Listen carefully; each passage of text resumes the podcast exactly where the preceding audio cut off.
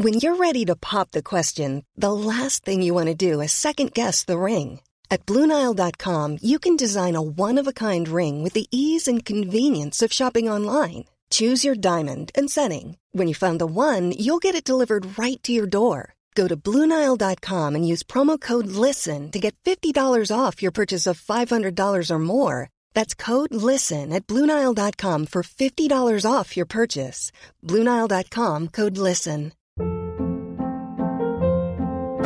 Hold up. What was that? Boring. No flavor. That was as bad as those leftovers you ate all week. Kiki Palmer here, and it's time to say hello to something fresh and guilt-free. Hello Fresh. Jazz up dinner with pecan-crusted chicken or garlic butter shrimp scampi. Now that's music to my mouth. Hello Fresh. Let's get this dinner party started. Discover all the delicious possibilities at hellofresh.com. Du lyssnar på en podd från Mediahouse by RF.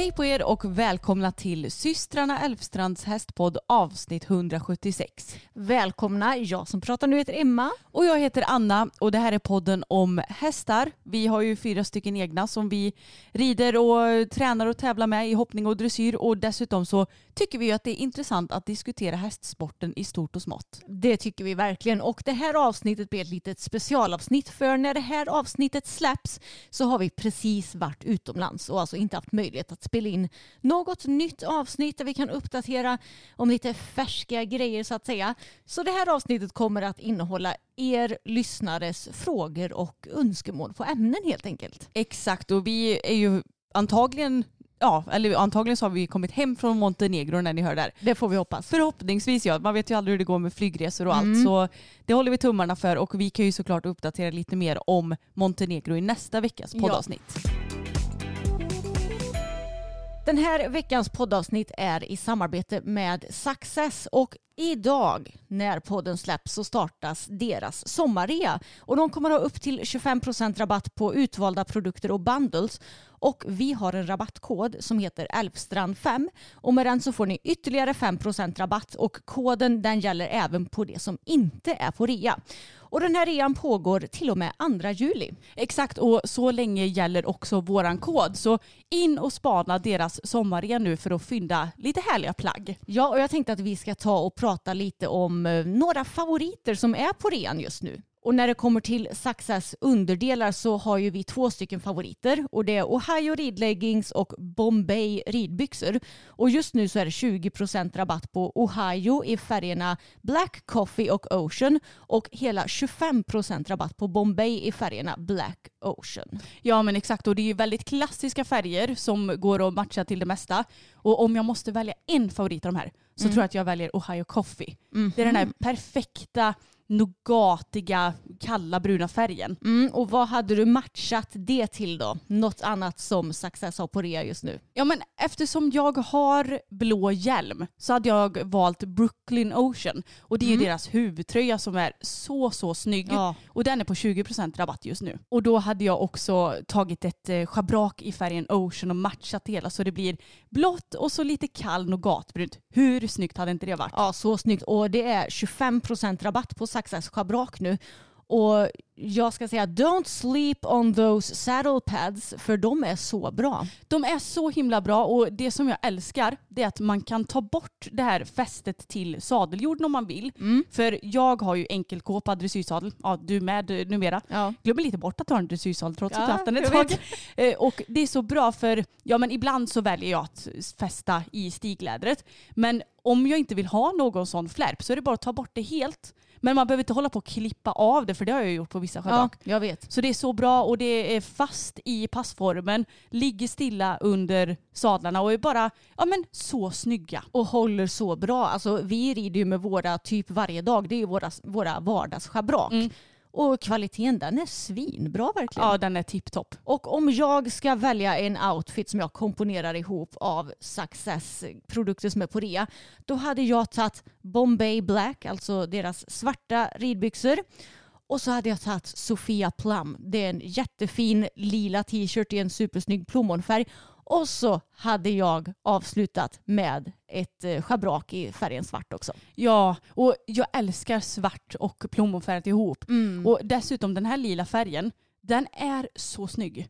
Den passar vem som helst. Ja, jag vet. Och det är kul med lite färg också tycker jag. Ja, väldigt kul. Och jag måste också passa på att tipsa om deras bundles som de har nu. En bundle som jag är väldigt sugen på, det är deras summer leggings i färgen lavendel Ja. som ju vi har pratat så gott om och som vi älskar. De är ju lite ljuslila lavendel och så har de den här tillsammans med just Sofia t-shirt i färgen plum. Jag har ju sett de här bilderna på deras Instagram när de kombinerar Sofia plum med sommarleggingsen i lavendel.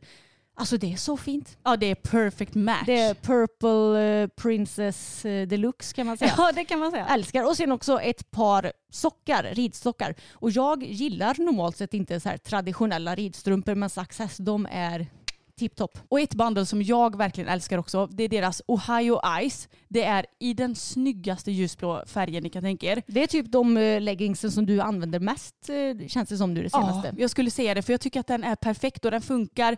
Tänk vad snyggt på vintern Ja. när det är lite snöflingefärgat. Mm. Men den är ju lika fin vår, sommar, höst. Funkar när som helst. Och plus Sofia t-shirt i Ice i samma färg alltså. Och sen ett par strumpor. Ja. 25% rabatt. Hur bra som helst. Perfekt. Och med vår kod Älvstrand5 får ni som sagt 5% ytterligare rabatt både på det som redan är på rea och det som inte är på rea. Och Success sommarrea håller på fram till och med 2 juli så passa på att spana in Success. Ja, och vi har såklart länkat till Success i beskrivningen. Och tusen tack till Success.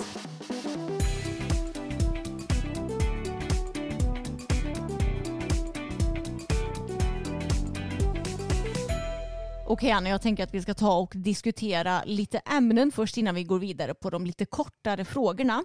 Och först och främst tänker jag att vi kan snacka om våra tips på hur man får en så trygg uteritt som möjligt. För jag kan tänka mig att uteritter kanske är något som många är lite nervösa över.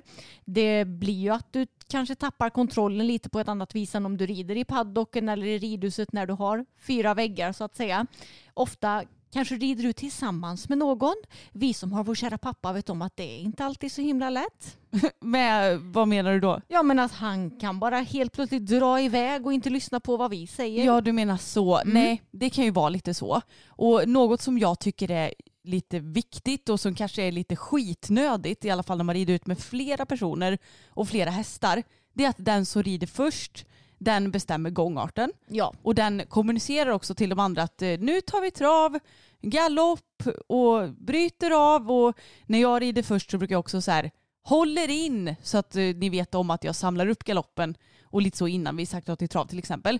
Kommunikation är jätte, jätteviktigt oavsett om man är två personer som rider ut eller tio ja. tycker jag. Exakt. Och är man ännu fler så får man ju göra en liten kedja liksom. Mm. Så att hela kedjan hör ordentligt vad det är för gångart som ska bli. Precis och det är som du säger så viktigt att, att den som rider först är den som bestämmer. För jag menar hästar är ju hästar och vissa dagar är de tittigare än andra. Och ifall hästen har en liten spänd dag så kanske det inte är läge att eh, ja, rida lika snabbt som man brukar utan då kanske du får ta det lite lugnare till exempel. Ja, men har man en häst som är lite ovan vid att rida ut, eller ovan behöver den inte vara kanske, men om den är lite spänd och sådär, så föredrar jag att börja med att gå ut och gå mycket i naturen, att man bygger upp en kommunikation, att man kan gå ut och gå, stanna, backa lite grann, kanske gå ut och beta lite längs med kanterna och bara få den att bli trygg vid en annan miljö än bara hemma. Mm. Och sen att man tar det lugnt. Man behöver inte ut och galoppera i full fart första uteritten. Nej, och kanske gärna ha sällskap av en trygg häst. Mm. Till exempel, ja, men säg att vi skulle skaffa en ny häst som inte är så himla van vid utritter.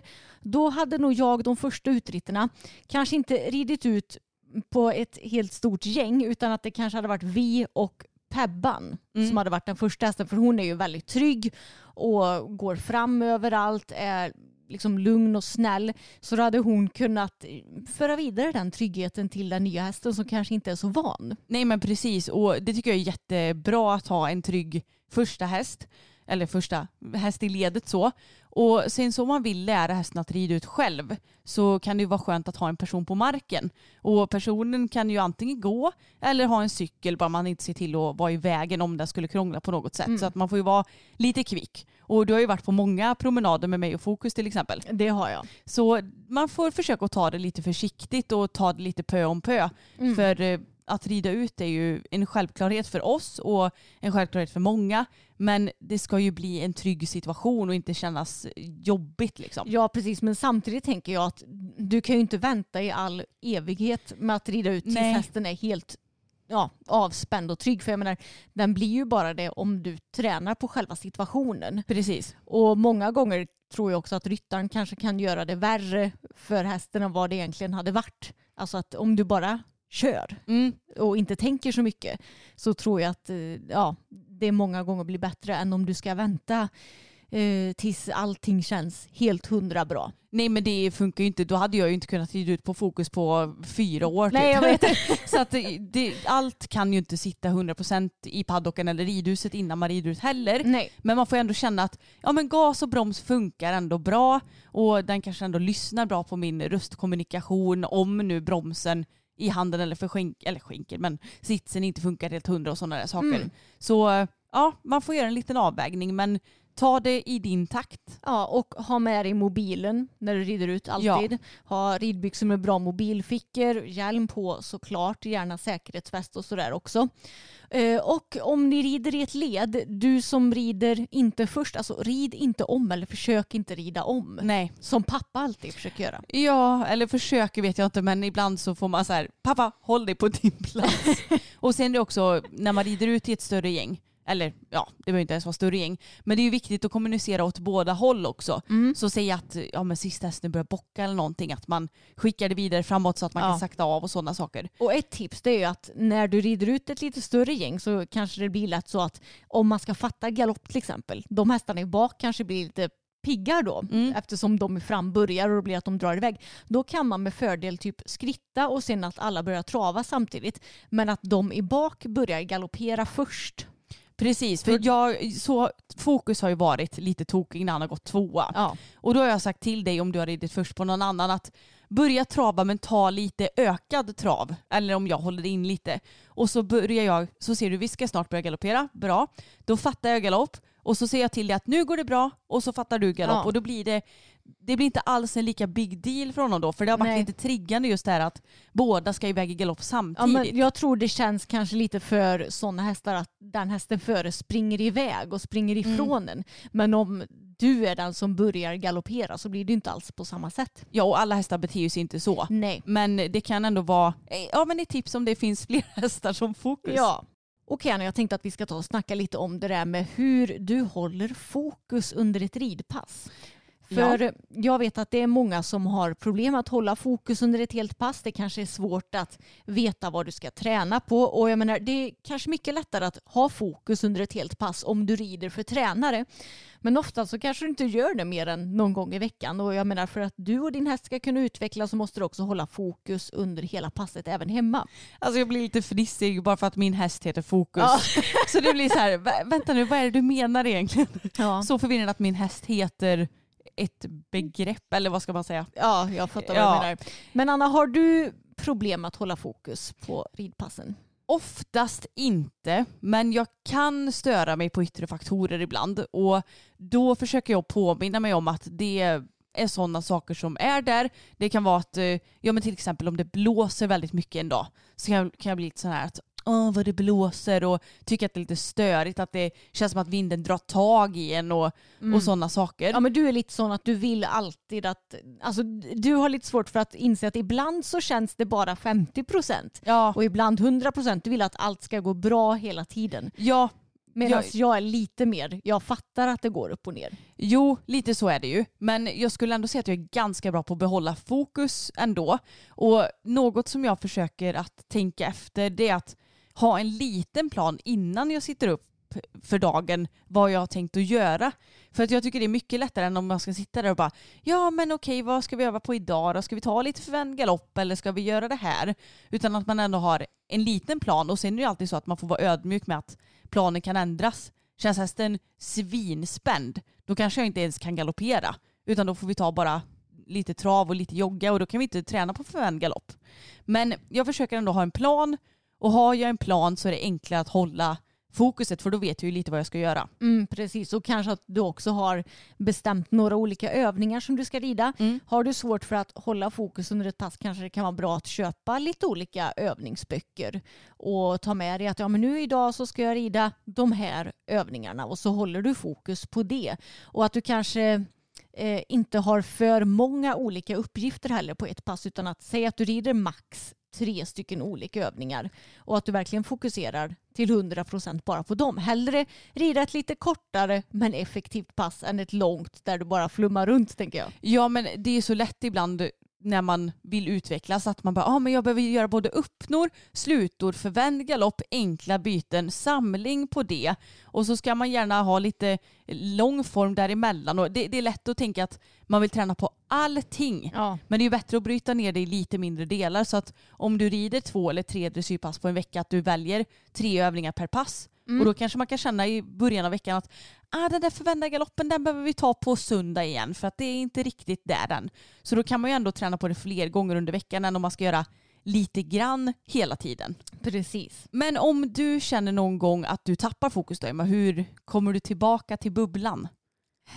Jag tänkte säga att det känns sällan som om jag tappar fokus. Mm. Det, jag tycker det är så roligt för när det kommer till så mycket annat så blir jag så rastlös. Till exempel jag kan ju knappt ligga i soffan och kolla på en serie utan att jag måste sitta och pilla på mobilen samtidigt. Mm. Men när det kommer till hästarna och ridning, alltså där håller jag alltid väldigt bra fokus och är alltid väldigt fokuserad. Så där har jag inga problem att behålla koncentrationen. Så ja, Du har inget bra tips att komma med? Nej, för jag kan inte riktigt känna igen mig i den här frågan utan det är bara lite så egna, alltså allmänna tips tänker jag som jag har kommit med nu. Mm, precis, men jag tänker också att om man är en sån som tappar fokus, vi kan säga att jag sitter och rider på banan och så eh, ser jag att pappa kommer med bilen. Det är en sån grej som man lätt kan säga, ja men då koncentrerar jag mig på det i två sekunder. Ja. Då försöker jag bara påminna mig om att jag kan prata med honom sen. så då går jag tillbaka till vad var det jag skulle göra nu? Just det, jag skulle göra det här på mitt Ja. ridpass. Så att man hela tiden har lite koll på vart ens tankar för en. Mm. Och så fort man blir medveten om vart, för det är ju sånt som sker bara per automatik. Det är inte så att jag tänker att nu ska jag Nej. tänka på vad pappa gör. Utan det är ju sånt som bara swish. Men då får man bara, okej han är där så, tjoff in i bubblan igen.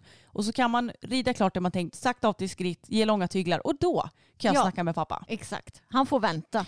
Precis, och det är ju lite så det är. Och jag tycker också att jag tänkte säga så att man kan ju säga till folk i sin närhet att man ska rida men samtidigt så kan det också vara bra att träna på. För rätt vad det är på en tävling så kanske det är någon som, eh, inte vet jag, en funktionär som står lite knasig till eller någonting, ja men du vet någon som kan tappa fokus för en. Ja. Då är det bra att träna på det även på hemmaplan ju. ja, sånt är jag inte så bra på. Nej. Alltså när någonting händer som Nej. stör min plan. Men jag tänker att det är inte riktigt samma sak kanske som det här med att ja, vad ska man säga, tappa fokus utan det är mer att en yttre faktor stör dig. Jo, det är sant. Då tänkte jag att vi ska ta och gå tillbaks lite till vår ungdom, Anna. Mhm. Och jag tänker att ja, men egentligen det som vi har fått önskemål om det är att prata om mens och puberteten och hur det var för oss och sen också vår skolgång och lite mer detaljerat hur vi hade det. Yes, ska vi ta och börja med eh, mensen då?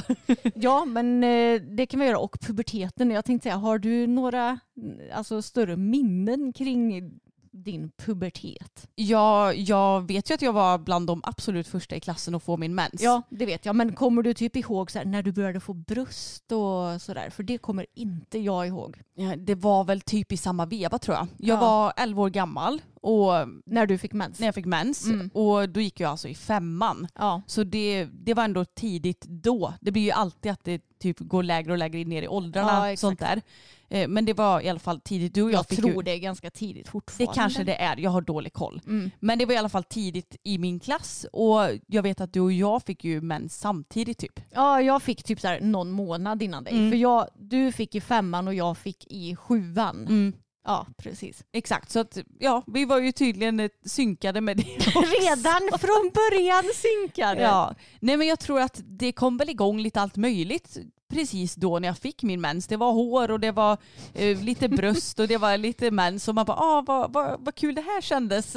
Att eh, allt vände på en natt kändes det som. Ja, och du var väl också betydligt mer hormonell än vad jag var kan jag tänka mig. Det var jag verkligen. För jag har ju aldrig varit speciellt hormonell. Det, ibland känns det som om jag är immun mot hormoner och sånt där. Ja, men lite så. Så jag har haft väldigt mycket hum humör, humörsvängningar och och lite sånt där som har varit svårt för mig att kontrollera men säkerligen också stackars mamma och pappa och dig också som får ta Ja. en del skit vilket jag ju känner idag att herregud kan man inte försöka kontrollera det där. Men det är ju så svårt också när hormonnivåerna i kroppen antagligen är så starka och när det börjar bli så, för jag menar när man är yngre och inte har fått mens och sådär, då är ju hormonerna på en viss nivå. Ja. Och sen så kan jag tänka mig att det skjuts lite i höjden, i synnerhet i början när Ja. man börjar få mens och sådär. Säkert, jag har ingen aning. Nej jag vet inte heller. Men eh, Vi killgissar. vi killgissar lite här nu. Så att jag var väldigt hormonell och tyckte att det var en väldig omställning och kände lite så här, ska jag ha det här resten av mitt liv nu? Jaha. Men man kommer in i det väldigt snabbt Ja. och nu är det absolut ingen big deal. Nej, jag tror för mig var det kanske lite mer gradvis. Mm. Eftersom jag, jag fick ändå min mens i sjuan och jag vet att jag tror de flesta av mina kompisar fick eh, sin mens kring den tiden när man var 13. Ja.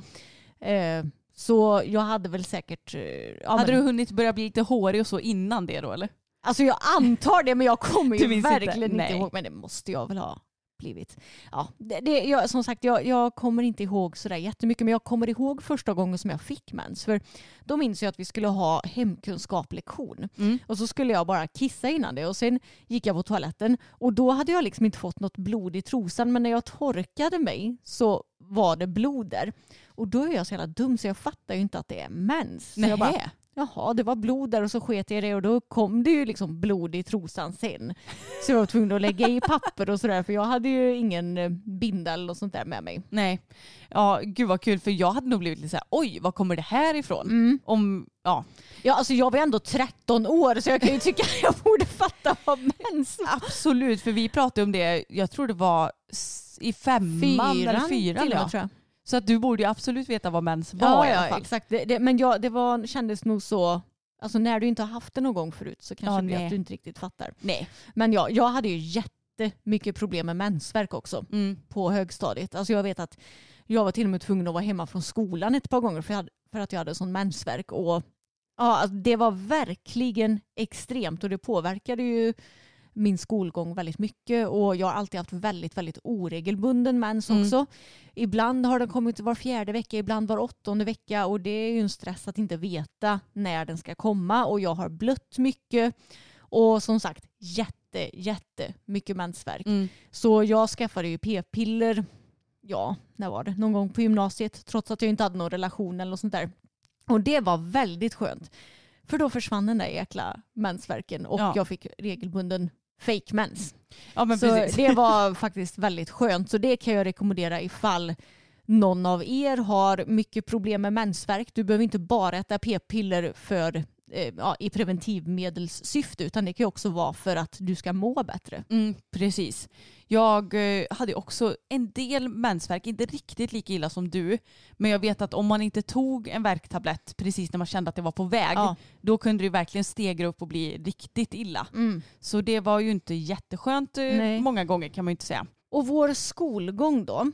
Ja, ska vi ta så här lite i... eh, Vi kan ju ta per skola för vi har ju gått på tre olika skolor. ja, vi kan ta i kronologisk ordning. Ja. Typ så här, Så- lågstadiet och upp till femman. Ja men exakt för det, Mm. där gick vi på en och samma skola från förskoleklass till femman. Ja. Hur var din tid då? ja, men alltså den var så bra. Mm. Jag, jag har nog typ inte ett enda negativt minne från den tiden. Ja, förutom att jag blev fett-shamed av eh, eh, Skolsköterskan. Ja, skolsköterskan och lärarna. Jag har ju berättat om Ja, det i podden det. att jag bara fick ta en portion mat till exempel i matsalen Ja. och inte ta mjölk utan var tvungen att dricka vatten för att de tyckte att jag var för tjock. Alltså jag skrattar Ja. men det är så jäkla sjukt ju. Ja, men eh, jag tänkte inte på det då. Jag tyckte ju bara att de var, alltså, man kan säga som så här, när jag var så här ung, alltså fram tills att jag började på typ högstadiet eller sexan, sjuan, mitt självförtroende och självkänsla. Alltså jag tyckte ju att jag var bäst i världen på Ja, allting. det var nästan lite för bra. ja, men jag, jag har aldrig varit så självsäker i mitt liv som när jag var barn. Nej. Och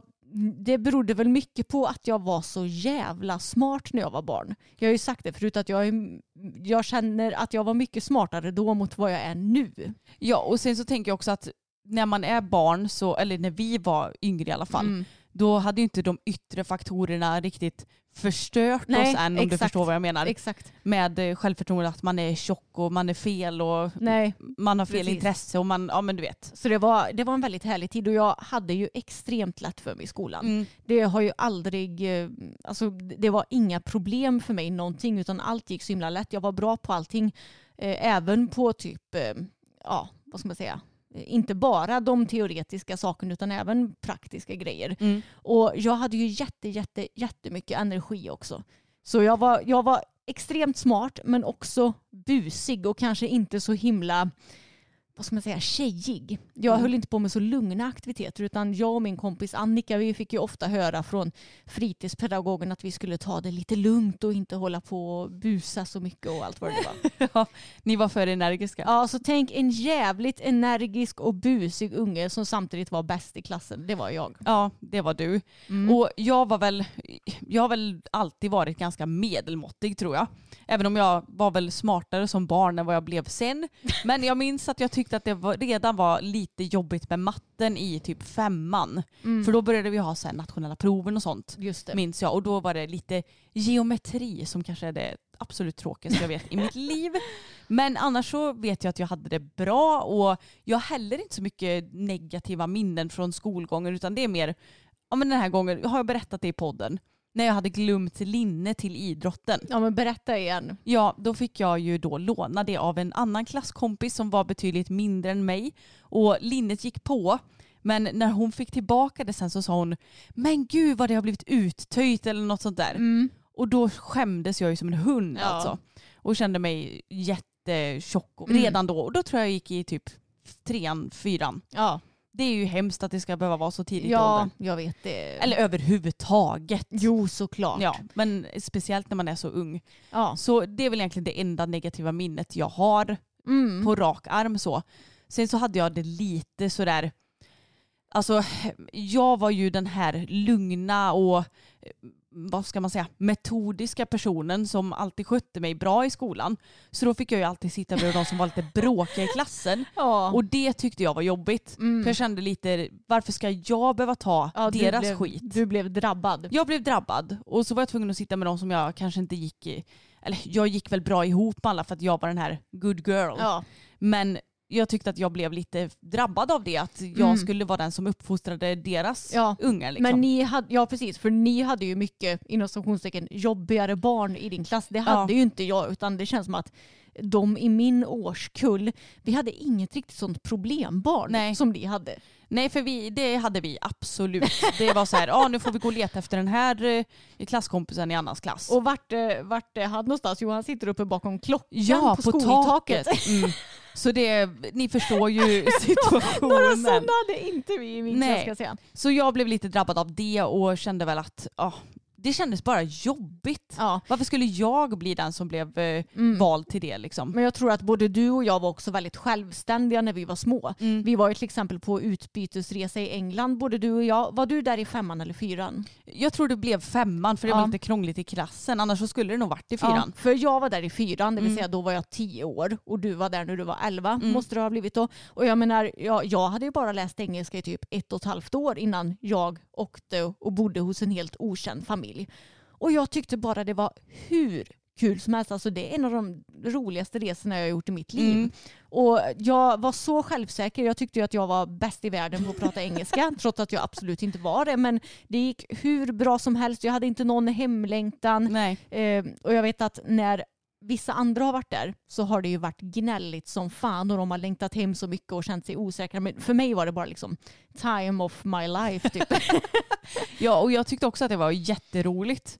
För att man, man fick ju ställa lite sin engelska på prov redan när man var så ung. Och det kändes inte konstigt för vi åkte ju ändå till en klass som hade lika gamla barn eller något år yngre Ja. till och med. Så att det kändes ändå som att ja, men de är ju heller inga proffs på språk för de kan Mm. inte alla ord heller eftersom de var så unga. Så det, det var inga bekymmer för mig heller. Mm. Men sen så bytte vi ju skola när vi gick i, eller när vi skulle börja sexan Ja. och där gick vi tills vi gick i nian. Ja. Och där blev det väl, alltså ingen större skillnad för mig egentligen. Jag skulle inte säga att jag var en populär tjej men jag var heller inte mobbad. Jag var väl Mm. något mitt emellanting, hade ändå In- kompisar. In-betweener. Ja men verkligen in Ja. Hade, hade kompisar men var inte populär. Jag eh, var inte bäst i klassen men jag var heller inte sämst. Alltså, Mm. Jag skötte mig och gick väl ut med medelmåttiga betyg. Mm. Det var ganska, vad ska man säga? Vanligt, kanske, Ganska vanligt. kanske Ja. en eh, skoltid på högstadiet som många kan känna igen sig i. ja men jag skulle nog eh, säga det. Mm. Och min ja, men högstadietid, det är helt klart den värsta skoltiden jag har haft i mitt liv. Mm. För eh, precis som på låg mellanstadiet så hade jag väldigt lätt för mig i skolan så jag fick ju högsta betyg i ja, men alla teoretiska ämnen i alla fall och sen även i typ musik och sådär och hemkunskap. Ehm, så jag hade ju väldigt lätt för mig i skolan och behövde ju inte anstränga mig för att få bra betyg. Sen så hade jag ju mina tjejkompisar som jag var väldigt nära. Så jag hade väldigt roligt med dem och överlag så gick jag väldigt bra ihop med tjejerna i egentligen hela arbetslaget. Och det var liksom inget konstigt. Men däremot så skar det ju sig som fan med killarna på den här tiden. Mm. Och killarna i vår klass mobbade både mig och mina tjejkompisar. Så jag har förträngt så mycket av den här tiden för det var ju det blir ju trauma när du blir mobbad under flera års tid. Såklart. Eh, så alltså, jag kommer inte ihåg skitmycket om jag ska vara ärlig. Jag minns att jag hade väldigt roligt med mina tjejkompisar. Men vi var ju också så här lite in-betweeners skulle jag Ja. säga. Mm. Eh, bara det att killarna i vår klass störde väl sig som fan på oss. Eller det beror ju på att de var osäkrare och såklart var Ja. tvungna att projicera det på oss eh, så att det gick ut på oss. Men eh, ja, alltså både positivt och negativt men den jobbigaste tiden där jag har känt mig som mest osäker. Man kan säga att om mitt självförtroende och min självkänsla var på topp när jag var barn så var den ju mycket, mycket lägre nu. Men det var kanske det som puberteten gjorde med mig. Jag blev osäker. Men jag tror att det är jättevanligt. Jag tror att de flesta känner så. Och jag var också väldigt osäker. Ja. Framförallt sexan, sjuan minns jag specifikt att det blev sådär, ja men man växer väl mycket och eh, hormonerna gör sitt och vi byter skola och ja men jag vet inte, det var bara all möjlig skit tänkte jag säga som Mm. hände på en och samma gång. Så jag var också väldigt, väldigt osäker just då. Ja. Sen så blev jag nog mer och mer bekväm i åttan och nian och jag kom bra överens med dem i min klass och jag är, Ja. ju, jag är fortfarande bästa kompis med Hanna som Mm. har gästat podden till exempel. Så att Ja. jag- jag hade ändå en bra tid men jag tror att många blir osäkra just när man Ja. är så här 13, 14, Jag tror det 15. med. Moa, som också är en av våra bästa kompisar, Mm. hon gick ju jag i samma klass som. Eh, Men ja, jag tror det är vanligt. För mm, till, till exempel Emma i fyran, hon hade aldrig tagit någon skit. Nej, Emma i sjuan, hon tog skit. jag, jag kan ju säga att jag var ju lite sån att jag hatade folk som höll på och bråkade för jag tyckte att det var så jävla onödigt. Så det var många gånger som jag var så här lägg av, gick emellan två killar och bara sluta och sådana saker. Och det sen- tyckte de kanske var lite provocerande att en tjej Absolut. Mm. För att det, jag har ju fått, eh, jag har absolut inte blivit mobbad men det har ju kommit lite så här, vad säger man, gliringar. Du, du måste säga här, den här roliga konflikten där du, ja du vet. Ja, det här har jag nog tagit upp i podden också tidigare. Ja men det är roligt. Ja, det är kul. Jag eh, var ju lite i, lite i, vad ska man säga, skavfötters, nej Mm. gud vad säger man? Det var Eh. lite skavigt mellan mig och en kille kan man säga. Ja, i klassen. I eh, parallellklass, nej vi var fasen i samma klass då ja. Mm. Och den här killen, om jag minns helt rätt, hade skrivit på vita tavlan med sån här whiteboardpenna. Mm. Anna E, det var ju jag för det var en, vi var många Annor i min klass Ja. men det var jag som var Anna E. Mm. Är tjock Mm. har jag för mig. Och det här är verkligen livets ironi. Men då blev jag sur och kastade godis efter honom. Det var så kul. Och grejen är att ja, jag tyckte att han var så jävla löjlig. Och det var han ju också. Mm. Vad fan är det att skriva liksom? Och då fick vi ha ett litet samtal sen med våran lärare. Vä- vänta, vem tyckte läraren hade gjort fel? Nej det minns jag inte. Hon tyckte säkert att vi båda hade gjort fel.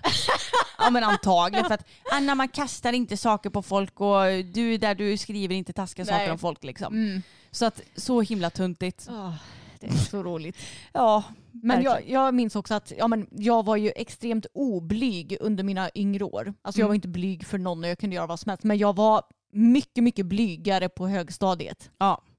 Men sen så fick vi ju välja gymnasie. Mm. Vi båda gick i Vara. Jag gick estet och du gick natur. Mm. Och det här är ju mina absolut roligaste skolår Ja. i livet. Jag hade också jätteroligt på gymnasiet. Mm. Och fun fact, det har jag kanske sagt förut, men anledningen till att jag valde natur framför samhäll, det var att jag visste att de killarna i min klass som mobbades, de flesta av dem skulle gå samhäll. Så jag Ja. vill, vill inte riskera att gå i samma klass som dem, även om samhäll egentligen hade passat mig bättre, för jag är bättre på samhällsämnen Ja. än naturämnen. Rent ämnesmässigt så Ja. hade du gärna valt samhäll men Mm, där gick idioterna. Ja, så då gick jag natur och hamnade i en jättebra klass. Jag kände egentligen ingen från Nej. början, förutom en kille som hade gått i min klass och han var ju inte en av, En av mobbarna, Nej, nej. precis. Så jag hamnade i en klass med jättebra människor. Alla var, ja men går man natur så hör man ju kanske att det är ju inte, Nej, men det, det är ju kanske ingen eh, skoltrött, eh, nej. jag vet inte, man får ändå vara lite studiemotiverad om man ska orka med den linjen. Ja. Och ni var ju alla på samma nivå lite grann. Mm. Eller i princip i alla fall. Ja, precis. Eh, så det enda som var jobbigt här, det var väl att helt plötsligt var inte jag bäst i klassen längre. Mm. För det var här nu som min så här, kurva började gå lite neråt smarthetsmässigt. Alltså jag var fortfarande bra. Jag hade bra betyg på eh, gymnasiet också. Jag hade ju MVG i alla samhällsämnen och även i några naturämnen. Men jag var lite mer medelmåttig i naturämnena. Mm. Eh, Men jag hade jättebra år, jättebra kompisar, festade mycket såklart. Mm. Och tyckte bara det var så skönt att slippa de här idioterna till killarna. Och helt plötsligt så blev jag ju också, när jag känner mig säker då blir jag ju mycket mer eh, oblyg. Ja och du framåt- blir mycket mer utåtriktad. utåtriktad. Jag är Mm. ju egentligen inte en blyg person. Nej. Så jag kände inte riktigt igen mig själv på högstadiet mot vem jag egentligen är. Mm. Det hade varit så intressant i ett parallellt universum eller någonting om man hade fått gå, ja men som för din del i alla fall, som var så mobbad, Mm. att du hade fått gå dina de skolåren fast utan de här killarna Mm. som mobbade dig och se hur du hade varit då. Ja. För jag tror att det formar en ganska mycket. Och även om du säkerligen, eller det har ju varit främst negativt såklart, men jag tror ju på något sätt att du har lärt dig att hantera vissa saker på grund Ja. av det också. Exakt. Så, um, så, så är det ju säkert. Och jag gick ju då estet och här kunde jag ju ändå glänsa lite i vissa ämnen. Jag är ju absolut, jag gick sång för övrigt. Ja. Och jag är ju absolut inte världens bästa sångerska liksom. Men jag är ändå musikintresserad och tyckte det var kul och hade bra betyg i många musikämnen. Och ja men jag hade bara så himla roligt. Personer i min klass var väldigt härliga, väldigt blandat. Det var ju både dansare, någon som spelade trummor och gitarrister och sångerskor. Och det, det var en väldigt blandad grupp människor som kanske inte hade mötts annars om vi inte gick i samma klass. Nej, liksom. exakt. Och Samuel gick ju i samma klass. Ja. Så det var där vi träffades och det är jag ju evigt glad för. Mm. Han hade ju sökt Borås också tror jag. Mm. Så att hade han hamnat där så hade inte våra vägar korsats. Nej, exakt. Så det är lite häftigt att tänka på. Och här var ju också, ja för jag tyckte ändå, även om inte jag var mobbad i högstadiet, så tyckte jag ändå att killarna var så jävla jobbiga. För att så fort de var mer än två personer så Mm. var de ju lite så här kaxiga. Men det var ju och, exakt så det var. Mm. För de killarna i min klass, de var, liksom, de var okej när det var en och en. Mm. Alltså när det bara var en av dem. Men så fort det blev fler, det Ja. var ju då de började mobbas. ja och de mobbades inte men de var ju så här, ja men har inte tid med dig typ. Mm. Men killarna i min klass på estet, de var ju gulliga allihopa liksom. Ja. Och, ja, det är ju inte så konstigt, man är ju äldre och Ja, kanske lite mognare förhoppningsvis. precis. Så jag hade verkligen skitkul och jag var ju på studentfirande för inte så jättelänge sedan och jag kände bara, gud vad jag saknar den Ja, tiden. Hade jag fått leva, uppleva gymnasiet igen så hade jag lätt gjort det Ja, alltså. Helt klart en av de roligaste tiderna i livet. Mm. Och det är också kanske ett bevis på att ifall ni går på typ högstadiet, mellanstadiet nu och har det kämpigt, håll ut för ni hör ju bara våra historier. Vi hade inte så jävla kul på högstadiet men sen så blev det väldans mycket bättre. Ja, och, När, när framförallt killar tycker jag får växa upp och bli lite mer mogna. Killar hamnar ju i puberteten senare än tjejer. Ja. Så det är många killar som är jävligt jobbiga där kring högstadiet. ja, och jag vill också säga att det finns ju de som inte har så himla bra gymnasietider också såklart. Ja. Men det är ju en ganska kort period i livet och jag tycker också att om inte man trivs i sin klass då är det helt okej att byta klass eller kanske byta linje eller byta skola. Jag menar, ett gymnasie det är inte for life. Du behöver inte veta exakt vad du ska bli när du Oh, blir stor heller. Och, ja, men jag måste gå natur för jag ska bli läkare. Man behöver inte ha det utstuderat när man är 16 år Nej. gammal och ska välja linje. Om jag jobbar som sångerska idag? Nej, det vet ni ju mycket väl att jag Mm. absolut inte gör. Och har inte planerat att jobba med någonting inom musik överhuvudtaget. Utan jag valde estet för att då får man ju ändå lite Det är ändå en bred linje är en samtidigt bred som du linje. har kul. Ja exakt och jag menar vill jag läsa till läkare ja men då kan jag göra det fast jag får bara läsa upp alla Ja. ämnen jag behöver. Inte för att jag ska bli läkare men ni förstår ju vad jag menar.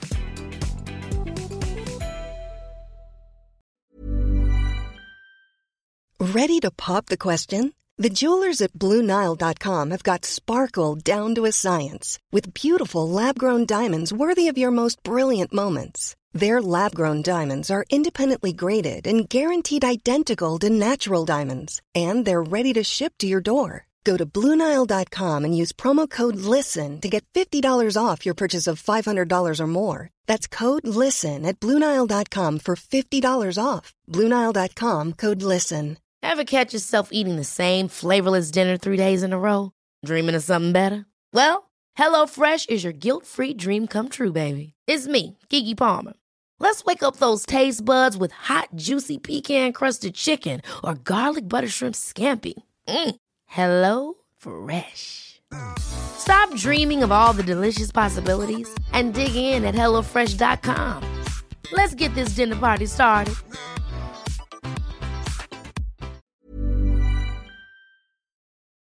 Och jag tänkte också att vi ska ta och snacka om ytterligare ett kanske lite ohästigt ämne, nämligen kroppsideal så här inför sommaren. Eller ja, nu när det här avsnittet släpps så är det ju sommar i högsta grad. Och många är ute och badar, man visar sig i badkläder och hänger på stranden. Och jag vet om att många är tyvärr osäkra på sina kroppar, känner sig inte bekväma i bikini eller vad det nu än må vara. Och vi båda vet ju såklart hur det känns. Och jag som före detta ätstörd har också insett med åren att det här med hur du ser ut i din kropp. Jag menar när jag var som smalast till exempel Mm. så kände ju jag mig absolut inte lika bekväm i bikini som jag gör idag. Nej du känner dig mer bekväm nu. Ja, Mm. exakt. Så Och- det sitter liksom inte i hur du ser ut. Det här Nej. med självkänsla och hur du trivs i din kropp och inte. Nej men exakt men för de som kanske inte vet om det vad hade du för ätstörning? Vill du gå in på det?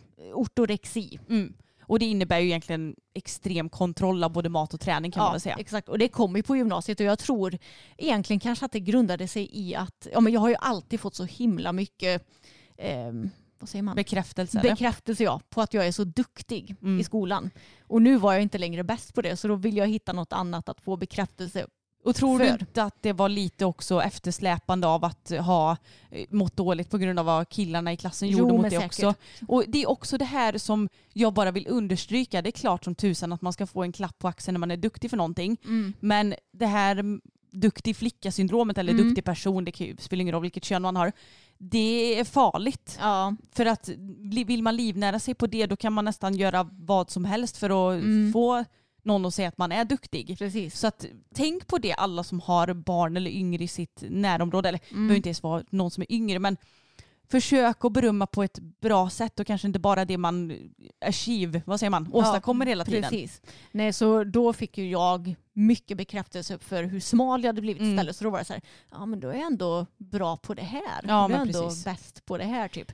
Så ehm, ja, nu ska vi se, vart var vi någonstans? Ja men sommarkropp och, eller vad ska man säga, ideal. Ja, men exakt. Och det här med hur du kan trivas då. Alltså, jag brukar ju tänka så här att de som är på stranden, de är säkerligen tillräckligt självkritiska över sig själva. Så de kanske inte, det är inte så att någon håller på och eh, spanar in folk och tittar jättenoggrant över hur man ser ut. Utan när jag är på stranden, då är jag där, jag kanske träffar mina nära och kära. Eller så ligger jag i en solstol och lyssnar på någon podd och jag badar och svalkar mig och solar och allt Mm. vad det nu är. Men om du skulle titta så ser du också att alla ser ju extremt olika ut. Och så är det och det finns inget som är rätt och det finns inget som är fel och jag tycker inte heller att det finns något som är fint eller fult utan det är så här, bara du mår bra så spelar det ingen roll hur din kropp ser ut. Nej, och det spelar heller ingen roll vilket, eh, vilken kroppsform som samhället har bestämt sig för är fint eller fult heller. Mm. För att det spelar så lite roll och jag tror också att om du känner dig lite osäker här och nu i att visa dig i bikini, Mm. försök ändå att så här, gör det utstrå- försök bara fejka att du Ja. har bra självförtroende. Bara klä av dig kläderna och så lägger du dig på handduken och så bara du ser ut som att du skulle Du kunna vara här. äger, Du äger den, den du här äger den där handduken. du äger den här handduken. Nej men lite så, för fejkar man ett självförtroende då blir det ju nästan till slut att man tror på det själv också. Mm. Och jag tror att du kommer nog ångra dig betydligt mer över att sitta där med, ja men säg typ jeans och en tunn långärmad tröja för att du inte vill visa din kropp. Än om du sitter där och njuter av solens strålar och att du faktiskt kan bada och, Ja. och allt sånt där. För jag menar, sommaren är en så kort tidsperiod i livet och det är inte alla som gillar sommaren och det är helt okej. Men jag blir sån att det är så tråkigt att man ska behöva fokusera på hur man ser ut. Ja, Det är ju så himla oväsentligt. jag vet det är så oviktigt och det är någonting som jag har insett så här med åren. Ja, Och när jag var yngre så var det ju mycket mer viktigt tyckte jag. Ja. Hur, hur jag såg ut. Men det, är också, det har ju mycket med självkänsla att göra. Att har du en hög självkänsla så vet du om att du duger oavsett hur du ser ut eller oavsett hur du presterar. Och det, jag har ju en väldigt hög självkänsla idag så därför så känner jag att jag duger. mm. Och då är det också så här, ja men det kvittar hur jag ser ut så länge jag mår bra. Och därför, eftersom jag har den inställningen så blir jag ju också säker i mig själv och i min kropp. Men ifall du känner dig lite osäker så kan det också vara en god idé att försöka komma underfund med vad du trivs med för badplagg också till exempel. Ja, jag skulle också komma till det. För att Mm. jag trivs inte så bra i sådana som är som en vanlig bh egentligen. För att Mm. jag tycker det är så jobbigt med Bygel. bygel och sånt. Det trycker och har sig. Mm. Jag föredrar, ja men triangelbikini tycker jag om. Och även sådana som är, ja, heter det va? men, smockbikini, det är ju sådana som är lite väldigt töjbara liksom. precis. Så det trivs jag bra i för då sitter det inte och klämmer för annars så blir jag så här, men gud vad den här sitter och klämmer Ja. och det är obekvämt.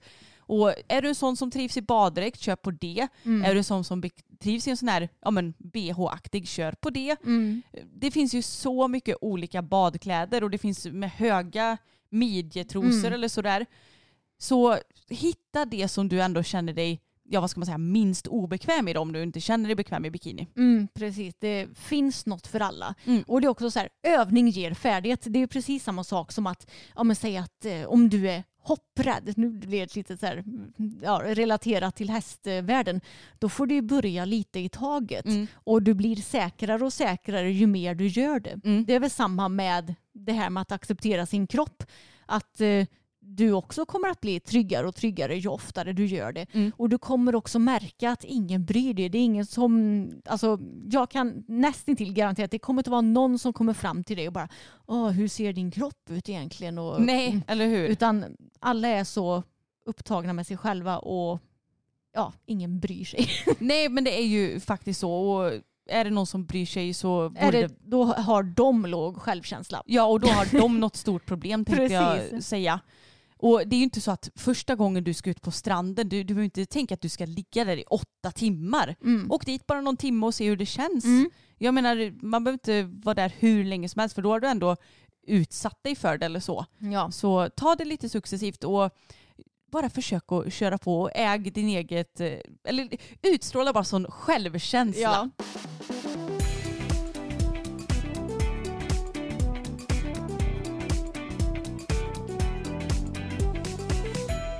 Vi fick en väldigt intressant frågeställningarna. Mhm. Vad anser ni om partnern inte är stöttande i ens ridning? Måste den gå med i sekten?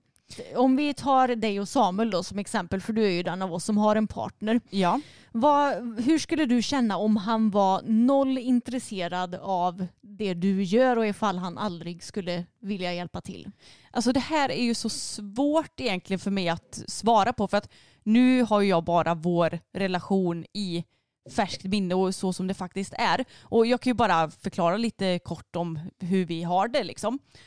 Samuel håller på med rally, vilket eh, tar en del tid för han behöver ju greja med bilen om den har gått sönder eller så håller han på och finjusterar i motorn och det är mycket att göra och sen så har han ju ändå ett gäng rallytävlingar per år. Det kanske blir en åtta stycken eller något sånt där. Så han är ju iväg ibland endagars, ibland så åker han iväg dagen innan om det är lite längre att åka och sådär.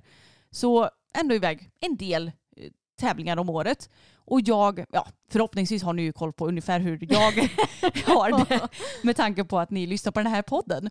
Men jag hade nog haft det ganska svårt för om han inte förstod mig i alla fall. Mm. Jag tror inte att jag egentligen har något större krav på att han måste vara superintresserad. Nej. Men det hade varit svårt om han hade varit väldigt anti mitt intresse i alla fall. Ja. Jag vet inte, han, han är ju superstöttande. Jag menar vi åkte ju till Borås ihop, och bara han och jag. Mm. Vi har åkt på flertalet tävlingar, bara han och jag, Jag också. tänkte, jag tänkte säga, hade du kunnat sätta de kraven på honom att Samuel, nu kan inte Emma eller pappa följa med, så nu måste du följa med. Nej, han måste aldrig. Nej. Jag frågar ju. Jag har en tävling här som inte Emma eller pappa kan följa med på. Kan du då? Mm. Vill du det? Ja men det går bra. Ja. Bra. Annars hade jag ju fått avanmäla mig typ. Mm. Så det är ju inget tvång. Men jag, jag vet inte riktigt vad jag Men, ska det, svara. men det underlättar mycket. Det underlättar jätte- jättemycket. Mm. Och jag menar, jag följer ju såklart med honom på hans tävlingar också. Mm. Det blir ju som ett utbyte. Att, Ja. Visst, jag kan inte hjälpa till med så mycket för jag är inte så himla kunnig med bilar och sånt där. Men jag tycker att det är så, för min del så är det jätteviktigt att man är engagerad i varandras Ja. intressen i den mån man kan. Liksom. Precis, jag tänker att det har ju med ömsesidig respekt att göra. Ja. Hade han bara varit med dig och du hade skitit i hans rally, Ja. då hade det inte varit någon jämställd relation. Nej. Men ehm, jag, jag är lite så här, jag tycker det är en intressant frågeställning och jag blir lite kluven för det. För det känns som att ibland som att den som väljer att göra någonting kanske tar för givet att andra ska hjälpa en med det. Ja. Och jag såg en artikel på Facebook såklart, på typ så här mom life eller vad fan de här... Som du alltid får upp. Ja, och då var det så här, min syster vill inte hjälpa mig med mitt barn, vad ska jag göra? Och då kände jag så här, det är ju du som har valt att skaffa ett barn, Mm. så du ska ju kunna ta hand om det själv. Du kan inte ta för givet att någon annan ska gilla ditt barn eller ha ork eller sådär och hjälpa till, utan det är ju faktiskt du som har valt att skaffa det. Samtidigt som så här, tänker jag att om du hade fått barn, det är klart som fan att jag skulle hjälpa dig och Ja. så här, vara barnvakt och sådär ibland. För att det tycker jag är något man gör i en familj. Men samtidigt så tycker jag inte heller att du ska ha som krav på mig att jag ska göra det. Nej, nej men precis. Men Mm. det är väl egentligen så som vi är jag och Samuel. Ja. Att man, man frågar och förväntar sig inte ett ja. Nej. Så det är väl lite så det är. Och jag hade haft väldigt svårt att vara i en relation där han kanske inte gör någonting för mig. Ja. Och inte kan ställa upp någonting. För nu är jag väldigt trygg i att så här, skulle jag bli assjuk eller vad som helst, då vet jag att han kan kolla till hästen. Han kan Mm. slänga in mer hö i hagen. Han, han kan göra allt. Mm. Om det så skulle krävas. Om jag skulle bryta båda armarna och du eh, Ja. behöver åka iväg eller vad som helst. Precis, men jag tänker också att eh, för oss som håller på med ridning och hästar, det är ju en så stor identitet hos oss. Mm. Så jag känner också att alltså, det hade varit jävligt konstigt om någon hade blivit tillsammans med oss om de inte är minsta lilla intresserade av det vi gör. Mm. Eller fattar du vad jag menar? Ja, jag är förstår så här, precis. varför är du ens ihop med mig? Ja, exakt. För det är också lite så, vi brukar säga det att ja, men det är så bekvämt att Samuel håller på med rally för att skulle han bara känna att nej men jag orkar inte mer då kan han bara ställa bilen i garaget, glömma den i tio år om han så vill Mm. och sen plocka upp intresset. Men jag menar jag kan ju inte bara hej då fokus vi ses om tio år. Då står han, har han legat där död i en hög liksom. Ja. Fy fan vad Nej. hemskt, usch. Nej men jag vet inte, ridsporten är ju så stor och jag har fått många frågor så här. Hur hittar man en man som Samuel som Ja. ställer upp så mycket? Men för oss har det bara varit självklart att vi ger och tar. Mm. Och det har blivit så i våra intressen precis som i vår vardag. Och det Ja. tycker jag, för mig är det så himla självklart. Men ni har det också fördelaktigt att han har ett så pass stort intresse själv också. Ja, precis. Så det, det hade ju jag gärna hittat då kille som också har ett eh, ordentligt intresse. Ja, för det är också väldigt skönt att känna att han sitter inte och rullar tummarna hemma och väntar på Nej. att jag ska komma hem. Om det är någon sen träning eller någonting utan då har han säkert varit ute i verkstaden och kommer, Ja, ja. Hem, kommer jag hem och så är han helt eh, oljig i hela ansiktet liksom. Precis. Och nu tänker jag att vi ska gå in på lite kortare frågor. Och en fråga är, vilka sommarpratare vill ni lyssna på i år? Oj, eh, Henrik von Eckermann känns ju som en given kandidat. Ja, Omar Rudberg tycker jag Mm. är väldigt, eh, ja, jag älskar honom i Young Royals Mm. så det ska bli kul att se vad han har att säga. Ina Lundström. Ja, självklart. Vår favorit. Ja, hon är Mm. så rolig i Flashback Forever Ja. så det ska bli kul. Maja Nilsson Lindelöf. Ja, bryr jag mig inte riktigt lika mycket om, Nej, men jag, kommer har, säkert lyssna. jag har lite mer koll på henne tror jag. Hon, Ja. eh, hon har ju ett eget klädmärke och känns ju väldigt an, alltså, driven Ja. entreprenör. Gud vad hård jag lät när jag sa att jag inte bryr mig så mycket. Men Mm. ni får ju tolka mig rätt. Jag, jag är inte så insatt i hennes liv men Oj. jag kommer säkert lyssna Vad heter ändå. han? Heter han Max Tegmark eller Tegemark? Något utav det? För han skulle prata om AI va? Kanske. Ja, jag tror det. Ja. Mm. Eh, nej, men det finns ju, alltså det, det är många som jag kommer lyssna på. Ja. Det här är nog de första som jag kommer att tänka på rent spontant. ja. Sen så finns det ju ett gäng man säkert inte kommer lyssna på men det är väl de vi kommer att tänka Ja. på. Vilka frågor ska man ställa när man ska provrida en häst? Det här är ju faktiskt en väldigt bra fråga. Ja, hmm. men det är också svårt för jag vet ju inte vilka frågor de har ställt innan själva provridningen. Nej men om man bara tänker rent allmänt, vad behöver man veta med en häst som man inte känner till och som man kanske ska köpa? Ja men det kan ju vara bra med skadehistorik, Mm. eh, röntgen om den har det. Ehm, hur den beter sig i olika situationer, till exempel uteritter, lastning. Hovslagare. Ja, exakt. Ja, jag, jag kan tänka, eller jag tycker så här, inga frågor är för dumma. Nej. För jag menar, du ska köpa en helt ny och okänd häst för dig och därför så har du också rätt att fråga precis allting. Vad brukar du rida på för bett? Vad har du Mm. för bett när du rider dressyr respektive ute i skogen eller hoppar eller vad hästen än är för inriktning? Ja. Vad den brukar ha för sadel och om den har några knepiga beteenden. För jag menar alla hästar brukar ha någonting som de gör. Mm. Alla, de, de flesta hästar är ju inte bara helt trygga med precis varenda grej Nej. som man gör. Och nej men jag vet inte vad mer man ska... Nej, alltså det, det är så svårt för sånt här kommer ju så naturligt för oss. Ja. Så att det bara flyter på så det är svårt att säga exakt Ja. vad. Men det, det som är bra också, om man inte riktigt är van vid att köpa hästar tänkte jag säga, vi har ju ändå köpt ett gäng genom åren, då kan man ju försöka ta med sig typ sin tränare eller någon som är kunnig för då vet Ja. ju den vilka frågor som ska ställas. Och det här är väl kanske egentligen lite mer så här ämne, men hästars hull på sommaren. Min har väldigt lätt för att gå upp i vikt och jag är lite nojig över det. Jag tänker som så här att vi måste normalisera att både hästar och människor går upp och ner i vikt. Ja men jag håller verkligen med för jag menar det är lite vad det är. När gräset kommer och de kanske går ute på gräs hela hela tiden då blir oftast lite större då hästarna. Mm. Men jag menar inte ska vi rida hur många timmar som helst om dagen för det för att på något vis hålla formen på dem. Nej, men jag tänker att om du så här, tränar din häst som vanligt och släpper den på bete, ja men då, eh, jag tänker att det kan väl inte bli hur illa som helst. Nej precis, jag, jag tänker att man får ju bara göra så gott man kan och det som du säger, vissa människor och vissa hästar har lättare för att gå upp och ner i vikt. Ja, Och så är det ju bara. Bella går alltid upp i vikt på sommaren. Ja, Det, det, det är så, så som det är. Och jag tänker att så länge inte din häst heter typ King Edward eller H&M Indiana ja. så kanske det inte spelar någon roll om den har så här 20-30 kilos övervikt vissa Nej. perioder på året. Det, det kanske inte är ultimat om man hoppar in och 60 såklart. Nej, Men jag menar, men det gör inte vi. nej precis. Våra hästar lever inte samma liv som dem. nej. Jag menar de eh, allra topp topp hästarna de har ju väldigt väldigt uträkna, uträknade.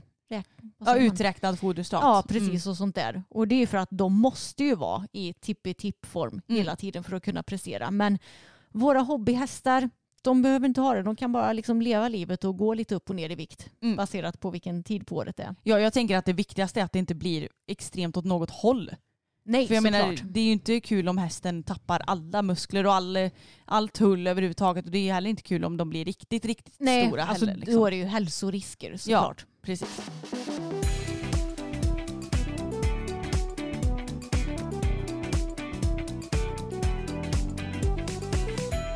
Här har vi faktiskt fått en lite rolig eh, fråga. Jag vet inte, men är det olagligt att rida när man är full? Och om det inte är det, vad tycker ni om det? Jag vet faktiskt inte. Nej, alltså jag kan inte tänka mig att det finns någon lag på... Eller jo, men räknas inte hästar hästen som ett räknas fordon? som ett fordon så det Ja. borde ju inte vara lagligt egentligen. Nej. Åtminstone inte om du ska bege dig ut i trafiken. Nej, Då är det nog garanterat olagligt. fast Men- å, å andra sidan är det lagligt att köra, och säg att jag skulle köra full och så kör jag runt ditt stall bara på gårdsplanen. Det är Ja. inte heller lagligt, Mm, tänker jag. Nej, kanske inte, men då Då drabbar är det du... svårare för polisen att komma och Ja, ta mig. då, då är det ju ändå på privat mark. Jag Jo. tänker att det, det är säkert inte olagligt att typ rida full hemma i paddocken. Nej. Men hade du ridit ut på en utritt och ska ut och eventuellt möta ja, andra bilar, fordon, cyklister, människor, vad det nu än må vara, då kan jag tänka mig att det är olagligt. För då Mm. kan det ändå utgöra en risk mot både dig själv och andra. Mm, exakt. Och vad tycker du då om, om det hade varit lagligt? Va, om, om det hade varit Om det lag. hade varit lagligt att rida full, vad hade du tänkt om det? Eh, jag hade tänkt att en vettig människa gör inte det. Nej, precis. Så där, därför tänker jag att det kanske inte borde behöva finnas någon sån lag heller. Nej, men jag kan bli lite trött på det här med alkohol och ridsport. Mm. För att det känns som att det är så himla normaliserat att eh, Ja men jag menar hur många gånger har inte vi varit ute i Göteborg Mm. när det är Gothenburg Horse Show och så ser man, ja, förvisso har ju inte jag någon aning om vad ryttarna har i glaset, det kan ju lika väl vara alkoholfritt. Men de är ju uppe och festar rätt så sent. Ja, ja, och man hör ju framför allt hur mycket ryttarna festar på den nivån. ja, Speciellt förr i tiden. Jag vet inte, det kan ju ha ändrats numera. Ja. Jag vet inte, men det är i alla fall en kultur kring ridsporten att det är så här, man festar rejält. fest på natten och sen så är det tävling på morgonen Exakt. igen typ. Och jag personligen känner, hur fan orkar Hur orkar man ja? Och du och jag har ju alltid varit sådana genom alla år att vi har nolltolerans. ja. Vi går inte ut och festar och dricker någon form av alkohol dagen innan en tävling. Nej. Så vi är ju väldigt strikta när det kommer till det. Och Ja. Jag kan tycka ibland att hade det inte varit trevligt om man hade fått blåsa innan man hoppar upp i sadeln på sådana här stora event. Är, det, inte- är det så på travtävlingar? Vill jag Det kan det säkert vara. minnas? Jag, jag har jättedålig koll faktiskt. Ja. Men jag tycker att alkohol plus häst det hör ju absolut inte Nej. ihop. För att du behöver ha huvudet på skaft för att se till så Japp. att inte olyckor och allt händer. Vi har fått en fråga. Varför valde ni bort ridgymnasium? Ja men det var väl egentligen för att vi ville gå i skolan i Vara. För att det skulle bli så smidigt som möjligt. Ja, och jag kände framförallt hur ska den logistiken gå till också när vi hade, nu kommer jag inte ihåg, jo vi hade ju bara Tage när jag började gymnasiet va? Och då hade det varit jättekonstigt om jag hade tagit med honom till skolan eller, ja men du vet. Det Ja. hade varit krångligt med logistiken och jag tror inte vi, vi var inte jätteintresserade av att gå något Nej, det var vi ridgymnasium. inte. Jag är glad över att jag inte gjorde det så här i efterhand. Ja, även om det verkar skitkul men för oss så var det inte rätt då. Vad tänker ni om, om att folk skryter om att ha en svårriden slash hanterlig häst? Ja det här tycker jag är så kul. Ja, alltså jag tänker att du borde väl snarare skryta av att ha en häst som är lätt att rida och hantera. Mm. Ibland så känns det som att folk bara, åh gud den är helt galen, den håller på si och så och stegra sig. Det är bara jag som kan rida den. Ja, och det, jag känner lite så här, det är ju inte ett gott betyg. Det Nej. finns ju hästar som är väldigt mycket enmanshäst såklart. Men då- då ska de ju vara det för att de har valt dig som person kanske snarare än att de är helt galna liksom. Mm. Ja, Förstår du vad jag menar? Ja, men sen så, jag vet inte riktigt om jag helt och hållet tror på det här med enmans- enmanshästar heller. Jag, jag vet inte riktigt vad jag... Jo, för det finns ridskolor som jag vet att de gillar inte när det är olika ryttare som sitter upp på dem hela tiden. Nej, det är klart, men det är Ja. inte så att då vill de inte ha massa olika ryttare. Men det är inte så att de måste ha en specifik person. Nej, nej. Ja, det är väldigt sant. Mm. Nej, men jag, jag tror faktiskt att många kryddar lite när de pratar om det här. Mm. Att de vill framstå, eller jag vet inte om det är att de vill framstå som bättre ryttare. Ja, jag om, tror det. Att, Ja. eh, Men jag tror också kanske det är främst yngre personer Mm. som gör det här. Som, att de vill framstå som bättre ryttare. Mm, kanske. Det känns ju som om, eh, ja, men om vi tar till exempel Peder och Allan. Allan han är väl ändå en ganska så speciell häst har man förstått. Och eh, att han inte är så lätt alla gånger. Men ja, man hör ju typ aldrig att Peder har pratat om det på så vis. Nej. Utan han har väl snarare sagt så här.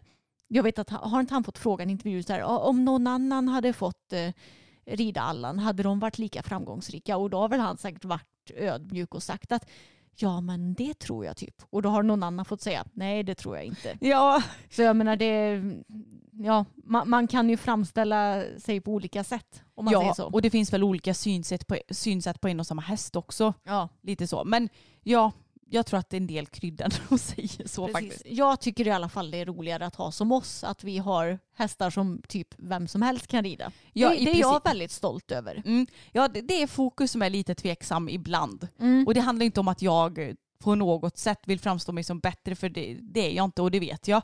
Men han är ju också den nervigaste av våra. Och när Mm. han har dåliga dagar då vill inte jag kasta upp precis vem som helst på hans rygg. Nej. Även om han alltid är snäll och aldrig vill något illa.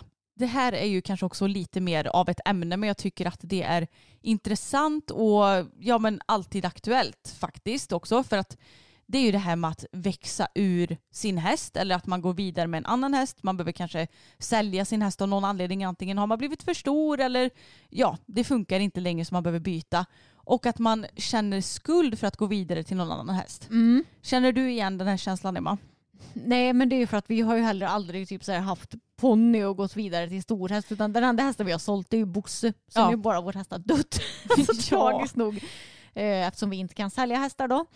Och det Eh. är ju typ lite av den här anledningen som vi inte kan sälja för att vi blir ju alldeles förälskade och känner Ja. typ någon form av skyldighet nästan att ha kvar den här hästen tills den tar sitt sista andetag. Ja men de, det blir ju en familjemedlem. Ja. Blir det ju. Och jag tänker att eh, Ja, vad tänker jag? Hästar, de är ju egentligen kanske ganska så simpla djur. Jag tror att vi försvårar eller komplicerar deras tänkande många gånger. Ja, man får tänka på att hästar är ju, om vi ska dra det till sin spets, inte jättesmarta djur. Nej. De är smarta på väldigt många sätt men de tänker inte riktigt som vi Mm. gör. Och det är inte så att de, om, om du har en häst som du säljer till mig, då är det inte så att den hästen hade bara jaha, nu har Emma sålt mig till Anna, varför har hon gjort det? Nej precis, vart är Emma någonstans? Alltså de är ju, hästar är ju nöjda så länge de får sina grundläggande behov tillfredsställda. Mm.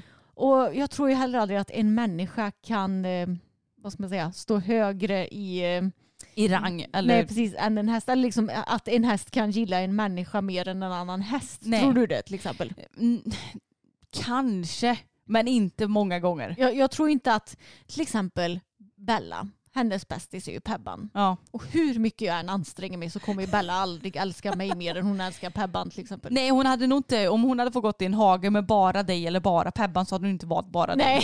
Nej, så är det ju. Och det är ju det är såklart jätte, jättekänslomässigt att sälja en häst och det är ju, jag förstår helt det här med skuldkänslor för att jag vet när vi hade bara Tage Mm. och skulle köpa boppen då hade jag jättemycket skuldkänslor för Tage för jag blev så här, ska vi ha lika mycket tid för Tage? Kommer vi verkligen kunna älska en annan häst lika mycket som vi älskar lilla Tage? Mm. Då hade jag skuldkänslor men så här i efterhand så känner jag bara herregud det finns ju plats för många hästar i det där Mm. hjärtat. Det gör ju inte att jag älskar Tage mindre för det. Nej. Men jag förstår helt själva grejen men jag kan lova dig att det är ju jobbigare för din del för att du blir av med din häst såklart Ja. än vad det är för hästen. Så du behöver inte oroa dig för hästens skull utan Nej. Din uppgift är att hitta ett bra hem till hästen. Exakt. Hur går det med er egna kollektion för Success? Ja, alltså det är ju massa termer och sådär som inte jag har koll på känner jag. Ja men det går bra. Vi har ju egentligen provat allting Mm. ehm, eller kommit fram till en design Mm. och nu så ska vi väl få hem de slutförande samplesen Ja. eller det som förhoppningsvis ska bli hela kollektionen och bara Mm. godkänna alla storlekar och sånt där. Ja. Och om vi är 100% nöjda när alla plagg kommer. ja, och Success ska ju få hem de här samplen i flera storlekar också. Precis. Så att de märker att alla proportioner och sådär är bra Ja. i samtliga plagg. Mm. Och när allt det är klart då kommer väl de lägga den här stora beställningen om jag har förstått det rätt. Ja men exakt. Så är vi Mm. 100% nöjda nu, ja nu vet inte jag exakt när de kommer, det dröjer väl säkert lite tag till. Mm. Men är vi nöjda då, då, kör, då trycker vi på startknappen helt ja, enkelt. exakt. Och så Helt enkelt säger jag. Ja, det, precis. Så vi, det går helt klart framåt. Vi Mm. hoppas på att kunna släppa kollektionen lite senare i sommar. Här är en lite rolig fråga. Vad tycker ni om årets Eurovision-situation? Alltså vem tycker ni förtjänade vinsten? Jag kollade ju noll minuter av Eurovision så att jag vet knappt hur Finlands låt går om jag ska vara helt ärlig. Det enda jag kommer ihåg det är tja, tja, tja, tja, tja. Ja, Ja, jag vet inte. nej men det jag tycker är så löjligt är att varje år så spelar det ju ingen roll vem som vinner för det är alltid fel. Ja, ja. Enligt den som inte vann eller det landet som inte Ja, vann. men det som jag stör mig på den här, det här året det är att ja, men, det är många som är sura över att inte Finland vann för att de vann folkets röst. Ja men du kan inte klaga på systemet efter att resultatet har kommit in. Då får man ju protestera mot det redan innan. Annars blir det ju inte trovärdigt tänker jag. Nej precis, man kan ju inte gnälla i efterhand tänker du. Nej, Nej. nej. lite så. Och det är väl jävla bra att juryn finns också så inte sådana här tramslåtar kan gå och vinna.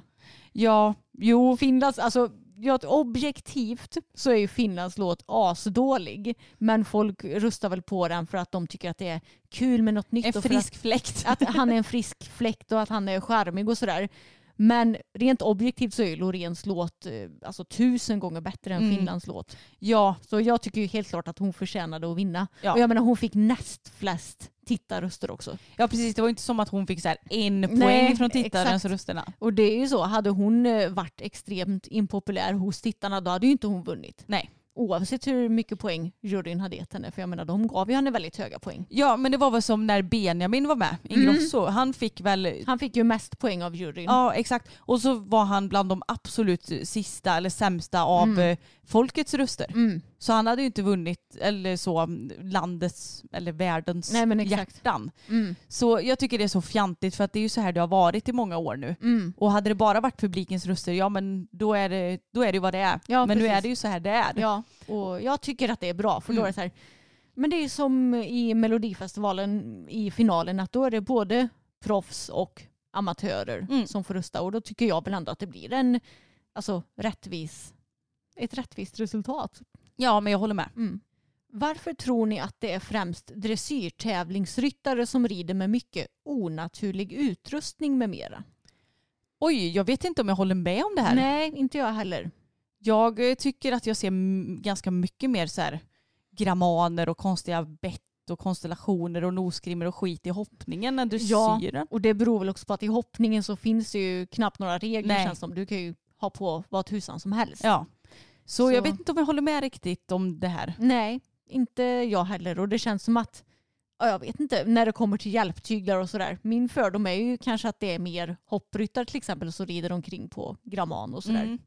Men jag vet inte, vi, vi kanske inte ser det så mycket för att det inte är i vårt närområde heller. Jag vet inte. Nej, jag vet inte heller. Men jag, jag håller nog inte om det, med om det här påståendet i alla fall. Nej, inte jag heller. Jag har fått en fråga om vad jag tycker om mina runder, alltså på hoppbanan på tävlingar och sådär. Och jag får säga att jag tycker faktiskt att jag har blivit mycket bättre på att tävla nu det här senaste ja, halvåret, alltså Mm. under vårterminen. Ehm, Vad tycker du har blivit bättre? Eller vad tycker du att jag du har jag blivit bättre tycker på? att jag har fått ett bättre flyt och att jag rider mer effektivt banan igenom. Det blir inte lika mycket av och påridning, inte lika mycket plock för det mesta. Eh, och det har ju visat sig i resultatet också. Mm. Jag har ju haft bra mycket bättre resultat nu under våren mot vad jag har haft eh, historiskt sett. Så jag vet inte, det känns som om jag har utvecklats bra i hoppningen nu det senaste. Och Mm. också att jag har börjat minska lite på mitt kontrollbehov känns det som. Ja men det tycker jag verkligen. Mm. För framförallt på senaste tävlingen vi var på så kom du jätteknasigt på ett språng på framhoppningen. Ja. Och det var inga bekymmer för innan så hade du ju i panik styrt undan hindret. Men nu blev det, Bella fick lägga till ett pyttelitet galoppsprång och studsade av jättefint på ett Ja, räcke ändå. Jag litar så mycket på henne. Mm. Och, eh, jag vill ju såklart bli till exempel ännu snabbare, rida ännu bättre men det känns som om jag har tagit ett stort kliv i min utveckling nu det senaste. Mm. Och jag tror att det beror säkerligen på att både jag och Bella har fått vara friska nu under så pass lång tid. Då blir det ju lättare att utvecklas. Och sen att jag har ridit för bra tränare och sådär också såklart. Mm. Vad ska man tänka på vid val av tränare? Vad är en bra tränare för er och varför? Det här tycker jag är en intressant fråga. Mm. Och jag, för min del så är det allra viktigaste att en tränare är ödmjuk skulle jag nog säga. Ja. Att den ändå kan berätta för mig vad mina brister är, vad jag behöver korrigera. Men ändå att den är bra på att berömma när det blir rätt och inte en sån där som aldrig berömmer utan bara säger vad som är fel och kanske snarare skäller på en. För det funkar inte på mig. Nej, och mycket har ju med personkemi att göra också. Ja. Jag tänker att många gånger så har du säkert möjlighet att provträna för en tränare och då märker du antagligen ganska så direkt att det här är en tränare som jag vill fortsätta träna för. Och då kan du fortsätta göra det. Jag tror alltså magkänslan. Lita Mm. på din magkänsla för den tar dig allra oftast rätt. Ja men verkligen och vad som är viktigt för dig det får ju du komma fram till lite själv kan jag tycka. Ja. Men som sagt jag vill att en tränare ska vara noggrann och engagerad när jag är där. Den ska inte hålla koll på telefonen eller Nej. eh, vad den må vara utan den ska vara 100% närvarande med mig och min häst. Ja, och var tydlig så du Mm. fattar vad personen menar också Mm. när den ger dig instruktioner. Precis. Det är väl egentligen det allra viktigaste Ja. tycker jag. Vi kan väl ta och avsluta med den här frågan tycker jag. Hur många gånger tycker ni är lämpligt att provrida en häst? En gång eller flera? Ja, alltså gärna flera gånger men samtidigt så tycker jag inte att eh, du ska utnyttja vad ska man säga, systemet för mycket för det blir jobbigt för hästägaren. Precis. Vi till exempel provred ju Pebban två gånger Mm. och det var ju ja, men för att vi ville känna av så att verkligen magkänslan var bra. Vi ville testa att rida i vår egen utrustning. Du ville testa att rida i dressyrsadel till exempel, se hur det kändes. Jag ville testa och se om jag kunde få bättre balans i min egna sadel. Och det var väl egentligen det, men annars tänker jag att du känner ju egentligen ganska så bra på första provridningen om det här är en häst för dig eller inte. Ja, och det jag kan tycka är att man kanske inte hinner att göra precis allt första provridningen. Nej. För att då kanske hästägaren eller den som visar upp den visar upp hästen hur den är i diverse gångarter och kanske hur den hoppar och vad det nu är för häst man ska köpa. Och sen så ska du också provrida den. Och då kanske det är svårt också att om man vill prova att rida ut en sväng eller ja men ni förstår. Man kan, det kanske är så att man vill testa Ja. lite olika saker och då är det svårt att göra på ett pass. Mm. Men jag tycker också det är viktigt att kommunicera med ägaren. Är det okej om jag provrider någon tillgång? Ja. För ibland så kanske de är sådär, nej men det kommer en till och, och provrider imorgon så att Mm. vill den ha den så kommer den lite före. För det är ju lite först till, eller nej det är det väl inte. Men jag menar hästägaren har ju alltid rätten att välja vem som ska Ja. köpa hästen. Exakt, och Liksom. vem som ska komma och provrida. Jag tänker Mm. bara på hur, hur jobbigt det måste vara för de som säljer hästar med tanke på hur ofta man hör att folk åker omkring och provrider hästar bara för att få rida. Och, Ja, och bara för att det är kul. ja, exakt. Så jag känner att då, Ja, men förhoppningsvis så känner också hästsäljaren på sig om det är någon som är genuint intresserad. Ja, jag hoppas Eh, det. Tror och hoppas jag. Så var det ju i vårt fall till exempel när vi ville testa Pebban en Mm. tillgång och sådär. Men eh, ja, Men annars har vi ju inte provridit mer än en gång Nej, väl? hon är den enda som vi har provridit två gånger. Och hon stod ju också så pass nära så att vi hade möjlighet att göra det. Ja, och det var ju också som du sa, största anledningen var väl för att vi kände lite att den sadeln som förägaren hade var väldigt Mm. flat och väldigt eh, inte mycket stöd alls för skänklarna, Mm. hoppsadeln. Så då kände vi lite att oj, hon hoppar ju som tusan och Mm. vi kände att vi vill kanske ändå känna lite i den utrustningen vi är van vid så att vi vet om att vi klarar av det här. Ja. Typ så. Även om ägaren var så här, gud det ser jättebra ut, så jag Mm. tror att det kommer gå skitbra för er. Men vill ni provrida en tillgång så är det lugnt. Ja. Liksom. Så man får ha lite kommunikation med det, men det är klart att det är bra att provrida någon extra gång. Men är du jättesäker så då är du ju säker. Ja hörni, det var allt för dagens avsnitt och stort, stort tack för att ni har lyssnat. Verkligen. Och ni hittar ju oss lite varstans på sociala medier. Vi finns på Instagram där vi heter systrarna Elfstrand. Det heter vi också på YouTube där ni gärna får prenumerera. Och ni hittar lite länkar i beskrivningen också till Success och till vår poddmerch. Det stämmer bra det. Ha det bäst hörni så hörs vi igen nästa vecka. Det gör vi. Hej då! Hej då!